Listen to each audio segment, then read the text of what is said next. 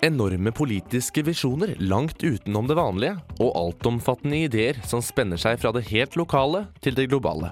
Sekkemannen er ikke en gjennomsnittspolitiker, og har både stiftet og styrt et utall politiske organisasjoner og stiftelser. Han omtaler sin egen studentorganisasjon, Norges studentdemokrati, som et interpolitisk parti, med det globale universitet og det fullkomne direkte demokrati som prioriterte målsetninger. Hva angår studentvelferd i Trondheim, har Norges studentdemokrati konkrete kampsaker, og Sekkemannen sparer ikke på kruttet når vi spør han om hans forslag i studentboligspørsmålet. Vi syns at eh, alle studenter skulle ha sin egen enebolig.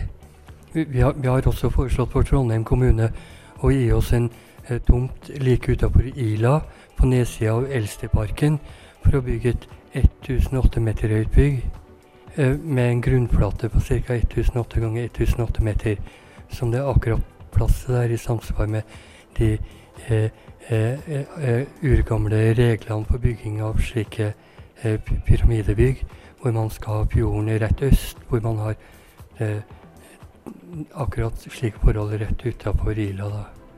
Fikk du gjennomslag for dette? Eh, vi, vi, har ikke fått noen annen respons utenom at kommunen hadde en oppfattelse for å få byggetillatelse til, til et slikt prosjekt, så kreves det eh, ganske mye mer enn bare eh, skissa eh, som vi har presentert så langt. Du ønsker altså at det skal bygges en 1008 meter høy pyramide her i Trondheim? Ja.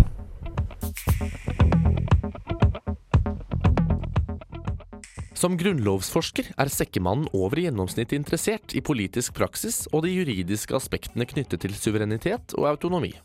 Som stifter og eneste medlem av det politiske partiet 17. mai av 1992 har hovedtalsmann for partiet, Sekkemannen, reagert kraftig på stortingsvalget som fant sted tidligere i høst. Skal vi tro partiet rett, er ikke Norge det spor demokratisk. Og Sekkemannen har bevis. Partiet 17. mai 1992 har gått ut og påvist at det, at det er over et dusin krav som Grunnloven stiller til et stortingsvalg for at det skal være et stortingsvalg. Og ingen av de forutsetningene er oppfylt ved det valget som var. Så vi har kunngjort at vi må ha et reelt uh, nyvalg så snart som mulig, ettersom vi kan påvise at det ikke var et gyldig valg ved folket, for folket og av folket. At det er parti- og byråkrativeldet som har ø, okkupert valgordninga Eh, slik at det ikke er et demokratisk valg ved norsk grunnlov lenger. Så du hevder at regjeringen som sitter nå faktisk eh, er en okkupert regjering? De har okkupert seg makt og ikke valgt av folket? Ja, statsministeren okkuperer statsministerens kontor og bevilger seg selv en, over en million kroner i årsinntekt. Tar seg ikke særlig pent ut, syns vi. Det er statskuppforsøk, kan man si. Som vi hører, Sekkemann interesserer seg for nasjonale politiske forhold så vel som lokal studentvelferd. Vi dreiet etter hvert fokus mot internasjonale spørsmål, og også her har Sekkemannen ideer om det meste. Han er engasjert i fattigdomsproblematikken og ser enkle svar der andre ser en vegg av problemer. Løsningen, sier Sekkemannen, er rett og slett at ingen skal finne seg i å være fattige. Alt man trenger for å fjerne problemet med verdens fattigdom, er at alle borgere i verden sier ja takk til en garantert minsteinntekt. Ja takk til ekstra reelle penger årlig. Og hvis alle sammen er med på det, så er det bare å, uh, å, å purre på alle regjeringer til å være med til å anerkjenne Global Bank sin digitale valuta og bare begynne å betale ut pengene.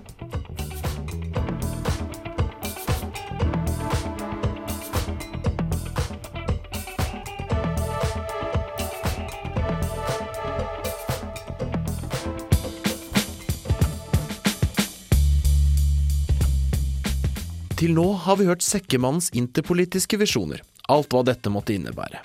Antageligvis, og kanskje forhåpentligvis, vil ikke Sekkemannen oppnå målet sitt om en global interkontinental verdensorden. Men i ideologiens og utopiens verden finnes det som kjent ingen grenser. Etc. ville vite hvilken rolle Sekkemannen selv ser for seg i en ny verdensorden. Ja, mitt forhold skal være symbolsk for alle og enhver ellers, da. Du være en slags verdensleder? Ja, en viss periode så vil jeg være det, men det er jo basert på at uh, eh, verdensdemokratiet skal ta over styringa av det hele. da.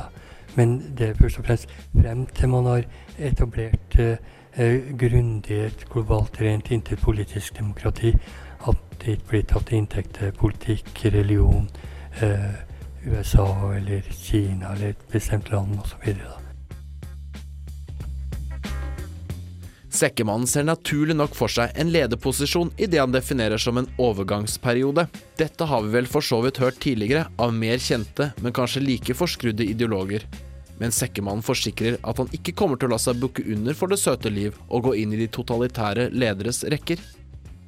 Nei, min, min, min posisjon er basert på at de spørsmål som, eh, som, eh, som angår foretakene som en helhet, så representerer jeg til enhver tid alle som ikke stemmer i demokratiet. Så alle som ikke går til valg, eh, tar du på deg eh, stemmen til? Ja, sånn at hvis alle i Europa, og alle i USA eh, var med på demokratiet, eh, så vil det fortsatt være kanskje tre milliarder mennesker eh, jeg representerer i demokratiet, inntil eh, dem også deltar Sekkemannen vil altså være alle inaktive borgeres talsmann inntil alle borgerne i verdenssamfunnet deltar. Dette kan ta en liten stund. Det er nemlig ikke overbefolket i organisasjonene Sekkemannen opererer som talsmann for. Uh, ved universitetet har det bare vært uh, noen få. Uh, litt i underkant av 20, kanskje. På verdensbasis? Så, så har vi noen få til, med visepresident i USA, India og Sverige bl.a. Har de fått noen gjennomslag for disse ideene i sine land? De har ikke jobba noe spesielt med dem heller.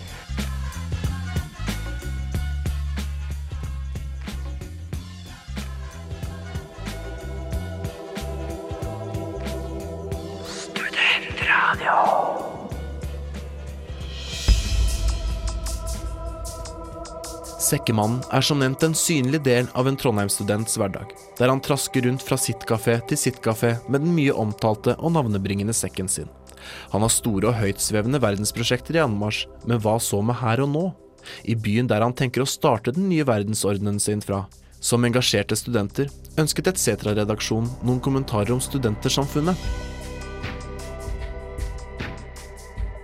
Hva mener du eh, foregår på Studentersamfunnet i Trondheim?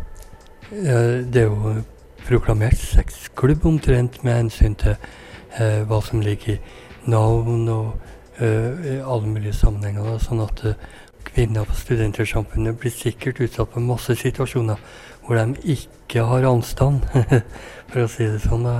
Eller at det er en eh, hel serie med regler i forhold til eh, hva som er anstendig ytre, da, som, som, er helt under mål når det gjelder studentersamfunnet sin organisering. Da.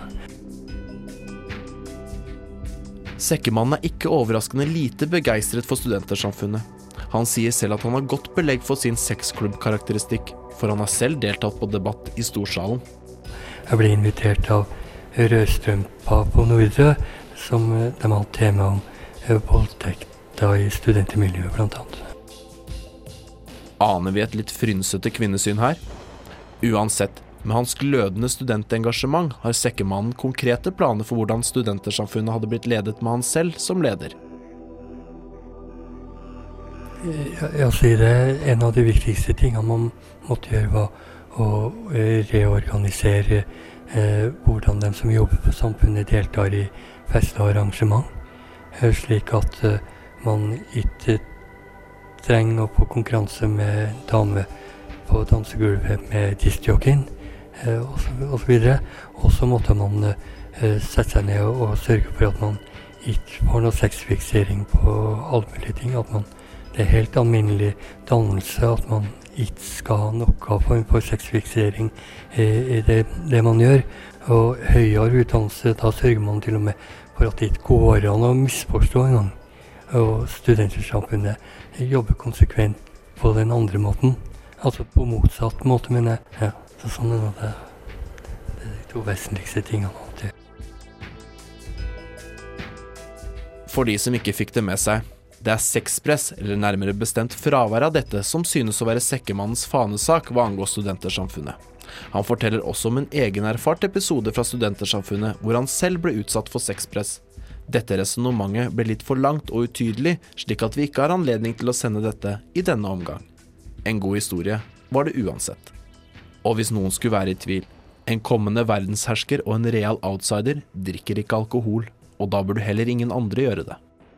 Tror du eh, Studentersamfunnet ville hatt det bedre hvis eh, det var eh, alkoholforbud? Ja.